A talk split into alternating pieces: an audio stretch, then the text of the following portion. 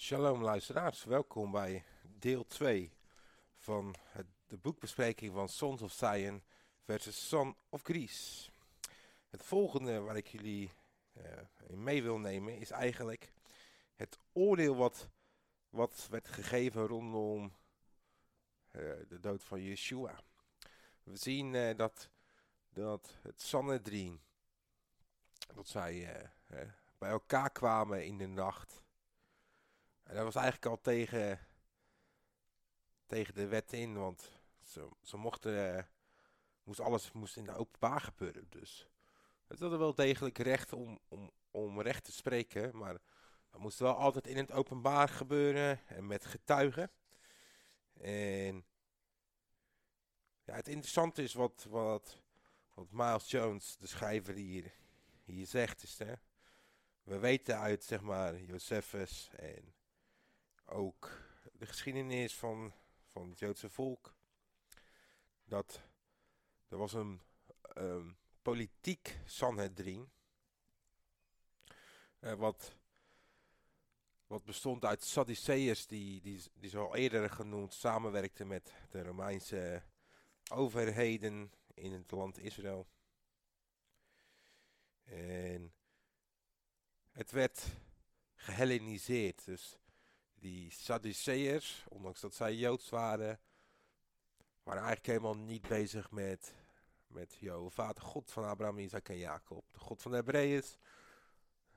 Ze waren helemaal niet daarmee bezig, ze waren puur alleen maar bezig ja, met de Romeinse zaken. En hij, Yeshua refereert er regelmatig ook aan als de soferim. Dat wil zeggen de, de schriftgeleerden. En dat wil natuurlijk ook iets zeggen. Het wil natuurlijk zeggen dat, dat, dat die, die mensen gewoon, ja, van, van de vader waren afgeweken. En dat zij hun eigen religie hadden gecreëerd. Ik zou dus kunnen zeggen dat Yeshua eigenlijk veel negatiever was tegenover de Sadduceeërs dan tegenover de Farizeeërs. Hij was wel negatief tegen Farizeeërs, want dat lezen we ook in de Evangelie. Maar we moeten wel ook, als we daarna gaan kijken, enige kennis hebben als we gaan uh, ja, naar de verschillen binnen de groep van de Farizeeën. Want de Farizeeën bestonden eigenlijk uit twee, twee stromingen eigenlijk, uh, twee hoofdstromingen. En dat waren de, het huis van Hillel en het huis van Shammai. In het huis van Shemai is eigenlijk vandaag de dag wel uh, dominant.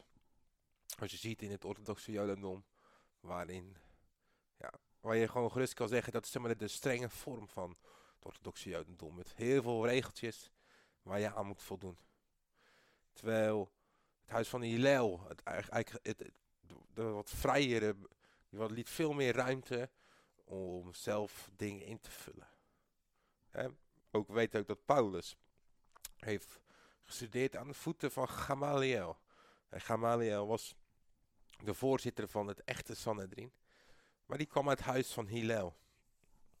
We kunnen dus ook zien, hè, als je daarin gaat verdiepen, dat Paulus ook in zijn schrijven duidelijk een invloed laat zien. Omdat hij, ja, onder andere bijvoorbeeld Calvin Gomer argument gebruikt. Als dit, dit zo is, hoeveel dan te meer? En die woorden herken je denk ik wel als ik die noem. Hoeveel dan te meer? Nou, dat is typisch rabbijns denken. Rabbijns argument, beargumenteren van een bepaalde zaak. Maar goed. We zien dus dat, dat het Sanhedrin Yeshua gaat, uh, gaat veroordelen. En we komen dan, we zien dan dat hij ochtends bij, bij, uh, bij Pontius Pilatus komt. En we weten dat er een groep mensen stond. En die riep kruisig hem, kruisig hem. Nou, we weten uit de tekst zelf weten we natuurlijk niet hoeveel mensen dat waren.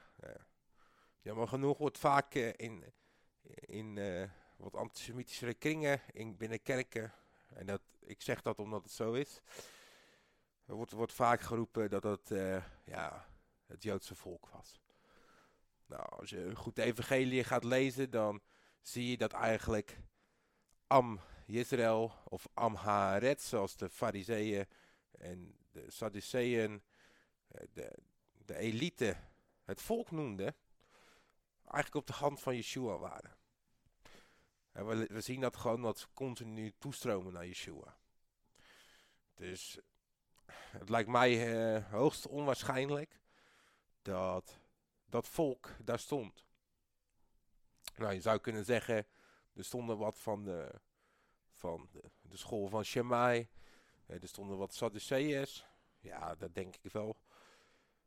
Maar interessant is ook wat Miles Jones hier schrijft. En misschien weinig mensen weten is dat ja, de Romeinen stonden om één ding bekend in die tijd. En dat was een zogenaamde geheime politie. En we weten hè, dat dat in de, in de geschiedenis vele malen is gekopieerd. Maar dat komt bij de Romeinen vandaan. En dan is het ook logisch als het een schijnproces is. Want dat was het ook.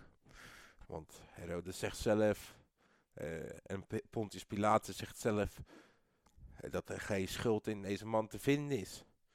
Hij riep niet op tot, tot rebellie tegen, tegen de Romeinen. Uh, hij had zijn eigen godsdienst, maar dat, dat werd gedoogd in die tijd. Je kunt je dus voorstellen dat, ja, om hem toch veroordeeld te krijgen, dat ze ja, eigenlijk gewoon een soort schijnproces hebben gehouden. En nou goed, dan weet je ook waar al die schijnprocessen vandaag de dag vandaan komen, want we hebben ze gewoon gekopieerd. Ze kopiëren elkaar allemaal. Ja, dan gaan we naar het volgende, want dan is de vraag natuurlijk, maar waarom hebben ze dat dan gedaan? Dat is gewoon heel simpel, omdat Yeshua aantoonde waar men de fout in ging. we lezen heel vaak over de discussies tussen, tussen Yeshua en de fariseeën en de Sadduceeën over verschillende zaken. Ze probeerden hem in de val te lokken. En elke keer werden ze, werden ze afgewimpeld door Yeshua. En hij liet eigenlijk zien hè, dat, dat het koninkrijk bestond uit het doen van de geschreven Torah. Niet zozeer uit de mondelinge overlevering of de Griekse uh, invoeringen van de Sadduceërs. En ze hadden natuurlijk daardoor die conflicten. En daarom moest hij dood. Want hij vernietigde hun religie. Waardoor ze rijker en rijker en rijker worden. We, lezen ook niet voor niks dat Yeshua de tempel leegveegde. Want ze gewoon ja, totaal met andere dingen bezig waren. Om even terug te komen op, uh, op die geheime politie. Lezen we dat, uh, ja, dat Herodes ook vreesde dat, dat er een opstand zou komen tijdens bijvoorbeeld een van de pelgrimsfeesten. Maar goed, dan gaan we naar het volgende punt. En dat is de naam van God. En ik heb er al eerder wat over gezegd. Maar ook in dit boek komt het weer voor. En ja, wil ik toch nog een stukje met jullie daarover delen. Want we weten uit de, uit de Joodse traditie dat de naam in de eerste eeuw gewoon gesproken werd. Maar we weten ook dat, dat zeg maar, in de oude Griekse versies van het Oude Testament, van het Tenach, dat de, de naam van God gewoon in, in het Hebreeuws stond geschreven.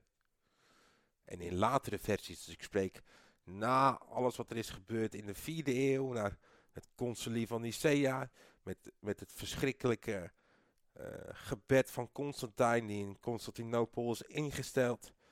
Waar ze, ze alles moesten, mensen die tot bekering kwamen, alles moesten afsferen wat volgens hun tussen haakjes Joods was.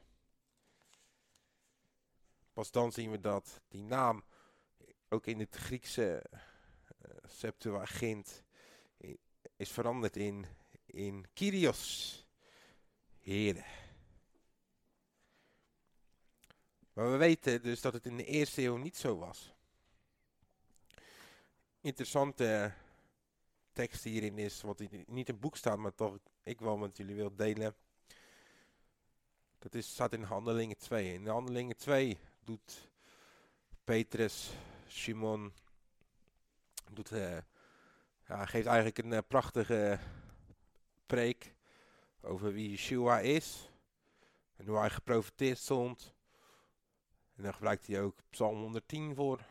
Een van de belangrijkste messiaanse teksten van de hele Bijbel. En hij concludeert dat Yeshua, dat hij gemaakt is tot Adoni, mijn Heer.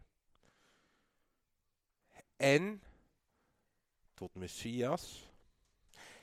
En tot een Kyrios, staat er in jouw Griekse tekst. en in jouw vertaling staat mijn Heer. Maar dat betekent de naam van God, staat daar. En ook bijvoorbeeld uh, betrouwbare bronnen als de studiebijbel beschrijven dit. Wat zegt hij dus? Peter zegt, hij is gemaakt tot Jehovah. Hij is gemaakt tot God. Hij heeft dezelfde positie als God. Dit was de vroeg-christelijke beleidenis vanuit de eerste eeuw. De echte christelijke beleidenis. Yeshua is Jehovah. Hij is die vlees geworden God. God van onze voorouders. Zo krachtig. Dan kun je ook zien wiens werk het is om die naam uit te wissen. Want in het Torah wordt gesproken dat iemands naam uitwissen, dat dat de grootste vloek is die je maar kan krijgen. En ik begrijp goed hè, dat onder druk van, van de Romeinen, de Joodse mensen, de naam hebben verborgen. Maar zij hebben dat al die tijd vastgehouden. En zij eh, zeggen het zelf letterlijk, als je de naam gebruikt, dan zul je geen toegang krijgen in de toekomende wereld. En dat wil natuurlijk zeggen in het Messiaanse Rijk. Eh, maar daar geloven wij niet in. En daar gaan we ook, ook ons niet aan storen. We gaan die naam gewoon weer herintroduceren. Eh, en we lezen bijvoorbeeld ook van, over Yeshua die zegt, ik heb uw naam bekendgemaakt. Eh, ja, als je dat leest, dan gaat het natuurlijk niet alleen maar over het karakter, maar ook het karakter die verbonden is aan die naam. dus met, met andere woorden, het is belangrijk om, om terug te keren in deze, deze paden. Nou, wat de volgende wat ik met jullie wil gaan delen, is ook een klein stukje van wat is er nou gebeurd na de tijd van Yeshua. Want het interessante is, waar we het hebben over de naam, dat er manuscripten zijn opgedoken. Bijvoorbeeld uit de prullenbak van het Vaticaan, waarin zeg maar losse bladeren die, die verloren zijn uit een boek, die uit een boek zijn gevallen, die worden daar bewaard. En daar hebben we Hebreeuwse versies van de evangelie gevonden. In de kerkgeschiedenis wordt het ook uitgebreid beschreven. Het heeft ook een hele belangrijke rol in de eindelijke kanon die wij vandaag de dag voor onze neus hebben. Maar men beseft dat niet of het wordt weggedrukt. Ik denk dat vele geleerden dit wel weten, maar het, het weg hebben gedrukt. Eh, maar we weten met grote zekerheid dat Matthäus sowieso in het Hebreeuws geschreven. Ik persoonlijk geloof dat ze allemaal in het Hebreeuws zijn geschreven. Maar goed, dat is een keuze. Hè? Maar in die Hebreeuwse versies die gevonden zijn, wordt de naam wel gebruikt. Met zijn volledige klinkertekens. En dat wilde zeggen dat er Messiaanse schrijvers waren, hè, geleerden, schriftgeleerden, die de naam van God wel gebruikten in het geheim. En sowieso, dan moet je voorstellen dat als Joodse mensen dat bekend werd dat zij Yeshua beleden als de Messias, die Jehovah is, zoals we al eerder hebben gelezen net, dan werden ze uit de synagoge geschopt. En omdat ze Joods waren, konden ze niet zomaar in de kerk, dan moesten ze alle dingen af. Dus je kan je voorstellen dat zij heel veel dingen in het geheim hebben gedaan. Nou, we weten dat Josephus, Josephus, dat die de tempelrollen in bezit hebben gekregen.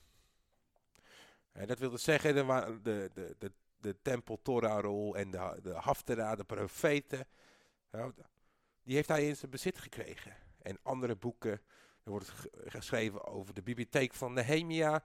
Uit het boek van Nehemia. Maar wat moest hij met die boeken? En aan wie kon hij ze meegeven? Degene die opstandelingen waren, waren niet eens zeer vaak heel gelovig of religieus, maar meer nationalist. De fariseeërs waren gevlucht naar een andere plek dan de Messiaanse, want de Messiaanse waren naar Pella gevlucht en de fariseeërs naar Jamne. En het ligt een stuk uit elkaar. Uh, maar omdat dat Josephus zeg maar de kant van de Romeinen had gekozen. Op een gegeven moment toen hij inzag dat het niet ging lukken. Was hij natuurlijk een aardsvijand geworden van de fariseeërs. En hij zou natuurlijk nooit die, die, die rollen uit de tempel zou hij natuurlijk nooit aan hen geven. Dat zou niet in goede handen zijn. dus dit is natuurlijk een stukje inlegkunde. Wat verwachting is dat hij ze heeft meegegeven aan de Messiaanse gemeenschap in Pella. En waarom zeg ik dat? Omdat er vier volledige Hebreeuwse evangeliën zijn gevonden in Catalonië. Met ook bijvoorbeeld een vertaling, of, eh, of vertaling of een, een boek uh, van de oprechte boek van Yasher is daar ook gevonden in Spanje. En we weten dat een hele grote groep Joodse mensen naar Sefarat is gegaan. In Spanje. En dat boek van Yasher, dat, dat was ook in de tempel. Dus daar maken ze dan die link mee. Er zijn ook een aantal andere boeken, daar ga ik nu niet te diep op in. Maar het gaat om die evangelieën die gevonden zijn. Ja, die hebben niks te maken met het Shem Tov Hebreeuws Matthäus. Shem Tov Hebreeuws Matthäus is eigenlijk een polemisch schrift. Maar, moet wel bij zeggen, de schrijver heeft wel degelijk beschikking gehad tot een Hebreeuwse versie van Matthäus. Anders kan hij nooit, want er zijn, zijn unieke um, stukjes Hebreeuwse taal in die, die versies van de Hebreeuwse Matthäus te vinden, die niet in uit het Grieks komen. En daarvoor moet het wel een uniek manuscript zijn geweest. We weten niet welke, en we, gaan er alleen achter komen als de Messias komt. Maar tot, tot, tot die tijd moeten we rustig blijven. Nou, die zijn gevonden en ik wil daar dieper op ingaan bij deel 3, want ik zie dat de tijd weer voorbij is. Nou, shalom luisteraars en tot de volgende keer.